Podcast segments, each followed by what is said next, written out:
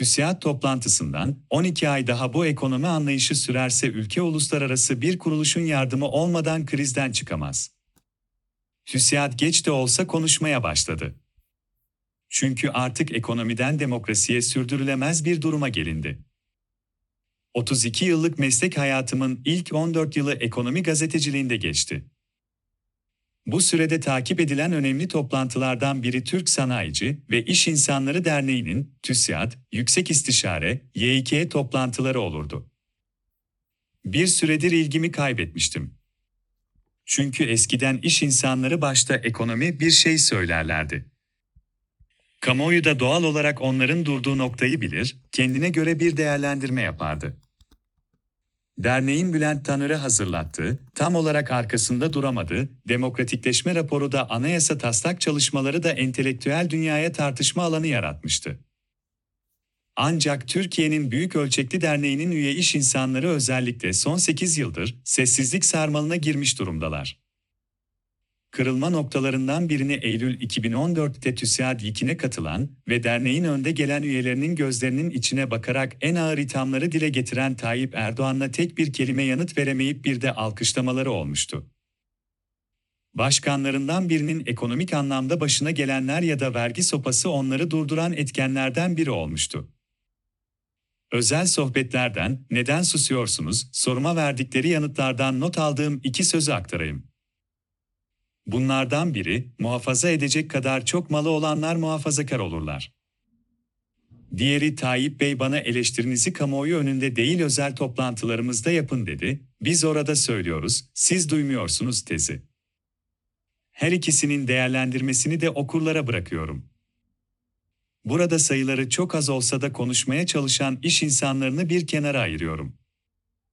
Dediğim gibi iş insanları uzun süredir ya mırıldandı, ne dedikleri tam anlaşılamadı ya tamamen sustu, seyirci koltuğuna oturdu. Uzun aradan sonra ilk kez TÜSİAD'ın hem YK öncesi yaptığı buluşmaya hem de ertesi gün düzenlediği toplantıya katıldım. Hem iş insanlarıyla yaptığım sohbetler hem TÜSİAD YK Başkanı Tuncay Özilhan ve TÜSİAD Başkanı Orhan Turan'ın konuşmalarını, eleştirilerini dikkatle dinledim. Alışık olunmadık bir şekilde onlarla ilgili notlarımı sona bırakacağım. Önce bu konuşmaların ardından gazeteci Murat Yetkin'in moderatörlüğünde yapılan her biri saygın birer akademisyen olan isimlerin açtığı ufuktan bahsedeceğim. Bu isimler Evren Balta, Hakan Kara ve Erinç Yeldan. Evren Balta salonu sarsan bir benzetmeyle başladı konuşmasına. 1400'lü yıllarının sonundan Albrecht Dürer'in aslında dini metinleri de baz aldığı, kıyameti bir şekilde tarif eden bir tabloyu hatırlatarak ve günümüzde bağını kurarak, mahşerin dört atlısı. O günlerde de bu simgelerin her birinin savaş, salgın, göç, kıtlık ile özdeşleştirildiğini hatırlattı. Bugün dünyanın içinde olduğu durumla benzerliğini kurdu. Bugün, dünyanın dört bir yanında son dönemde Rusya'nın Ukrayna'yı işgaliyle başlayan savaş, savaş ve iklim kriziyle büyüyen büyüyecek göçler, Covid ve devamı gelebilecek salgınlar, savaş, iklim kriziyle yaşanan ve büyüyecek kıtlık. Tablo bu. Erinç Yeldan, iklim krizinin hayata ve ekonomilere etkisi üzerinden çarpıcı veriler paylaştı. Dünya üstündeki 8000'in üzerindeki kömür santrali ve yarım derecelik bir sıcaklık artışının sudan tarıma insanlığı nasıl etkileyeceğini vurguladı. Gelelim Hakan Kara'ya. Onun anlattıkları ve sorulara verdiği yanıtlar çok çarpıcıydı. En önemlisinden başlayayım. Ekonomideki kriz ve durumla ilgili şu tespitleri yaptı. En önemli nokta Merkez Bankası'nın bağımsızlığı tabii. 2018 yılında bu yönde en büyük darbeyi aldı. Şu anda gelinen noktada sadece Merkez Bankası yeniden bağımsız yapılarak ya da sadece faizler artırılarak ki bu da şu an itibariyle nasıl yapılacak enflasyon %80'e geliyor onun üzerine nasıl çıkacaksınız, çıkınca ortaya çıkan maliyet nasıl karşılanacak? Daha bütünlüklü bir analiz ve politikaya ihtiyaç var. Ve tabi hasar tespitine. Banka bilançoları özellikle kamu bankaların bilançolarının durumunu şeffaf olarak bilemiyoruz. Şirketlerin ne kadarı yüzdürülen kredilerle baş başa. Kamu borcunun sürdürülebilirliği. Döviz ve döviz cinsinden borçluluğun ve kurların geldiği nokta. Enflasyonun yarattığı süreç. Yani sadece Merkez Bankası'nı düzelterek çıkışın imkanı kalmadı. Daha geniş çaplı bir bakışa ve çözüme ihtiyaç var. Hakan Kara çok önemli bir ekonomist. Bu tespitlerden sonra aralarında benim de olduğum pek çok isme of çektiren bir analizde bulundu. Türkiye 12 ay daha bu ekonomi politikasını sürdürürse içine girdiği krizden uluslararası bir kuruluşun yardımını almadan çıkamayacak duruma gelir. Hakan Kara benim yorumuma göre şöyle diyor. Seçime kadar bilimsel bir karşılığı olmayan bu politikalarda ısrar sürerse Türkiye ne yazık ki yeniden IMF'ye muhtaç hale gelecek. IMF demek başta emek kesimi faturanın bu ülkenin zaten zor durumda olan kitlelerinin üstüne yüklenmesi demek. Eski örneklerden biliyoruz ki IMF'nin acı ilacı içirilirken halk üzerindeki baskı artıyor, sonuçlarının yan etkileri uzun süre giderilemiyor. Karaya bir iş insanı bir soru yöneltti, peki iş dünyası tehlikeyi görüp gerekli tavrı koyuyor mu? Şöyle yanıt verdi. Bu sabah dinlediğim sunumlara bakarak buna evet derim. Ama daha erken olsaydı diye düşünenler de olabilir tabii. Gelelim sunumlara. Önce konuşmasından 3 saat sonra Cumhurbaşkanı Tayyip Erdoğan'ın hedefe aldığı TÜSİAD Başkanı Orhan Turan'a. Öncelikle Turan kim? Anadolu'yu iyi bilen Türkonfet'te başkanlık yapmış bir isim. Pek muhtemel TÜSİAD'ın önde gelen aileleri sıcak kestaneyi tutmak konusunda endişe edince Turan başkan oldu. Daha evvel de yönetimdeydi ama başkanlığı biraz sürpriz. Ama başkan olduğundan beri gösterdiği performans tutturduğu dil önemli. Şöyle düşünülebilir. TÜSİAD'ın ünlü isimleri Ekonomi Bakanı'ndan iktidar partisi liderine fotoğraf verirken birisinin de eleştiri yapması, gerçekleri söylemesi gerekiyordu. Seçime giden zorlu süreçte bu görevi Orhan Turan üstlendi. Gelelim Turan'ın Erdoğan'ın tepkisini çeken cümlelerine. Terörden çok çekmiş, acılar yaşamış bir toplumun hassasiyetlerine dost ve müttefik ülkelerin daha fazla dikkat etmesini istemek elbette Türkiye'nin hakkıdır. Ancak en haklı olduğumuz konularda bile çıkarlarımızı korurken tercih edeceğimiz yöntem amaca varmamızı kolaylaştıracak şekilde formüle edilmelidir.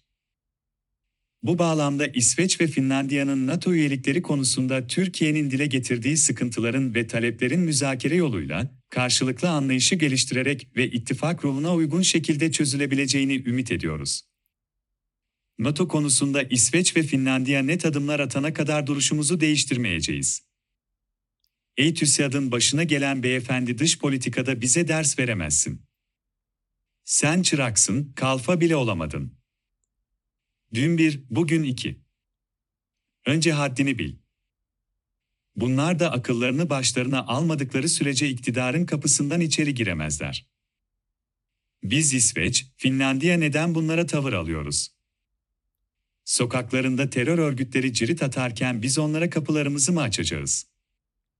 Ey TÜSİAD siz onların yanında yer alabilirsiniz, biz şehitlerimizin kanını yerde bırakmayacağız. Bunu bilesiniz. Almanya'da caddelerde terör örgütleri yürüyüşler yapıyorlar. Sizden önce gelen ağababalarınız da aynı kafadaydılar, görüyorum siz de aynı kafadasınız. TÜSİAD bu gidişiyle devam ederse bu iktidarın kapısını hiç çalmasın. Sizler aynı merkezden idare ediliyorsunuz.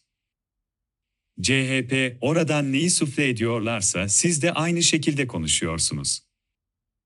Bu kapı yerli ve milli duruş sergileyene açıktır, sergilemeyene kapalıdır.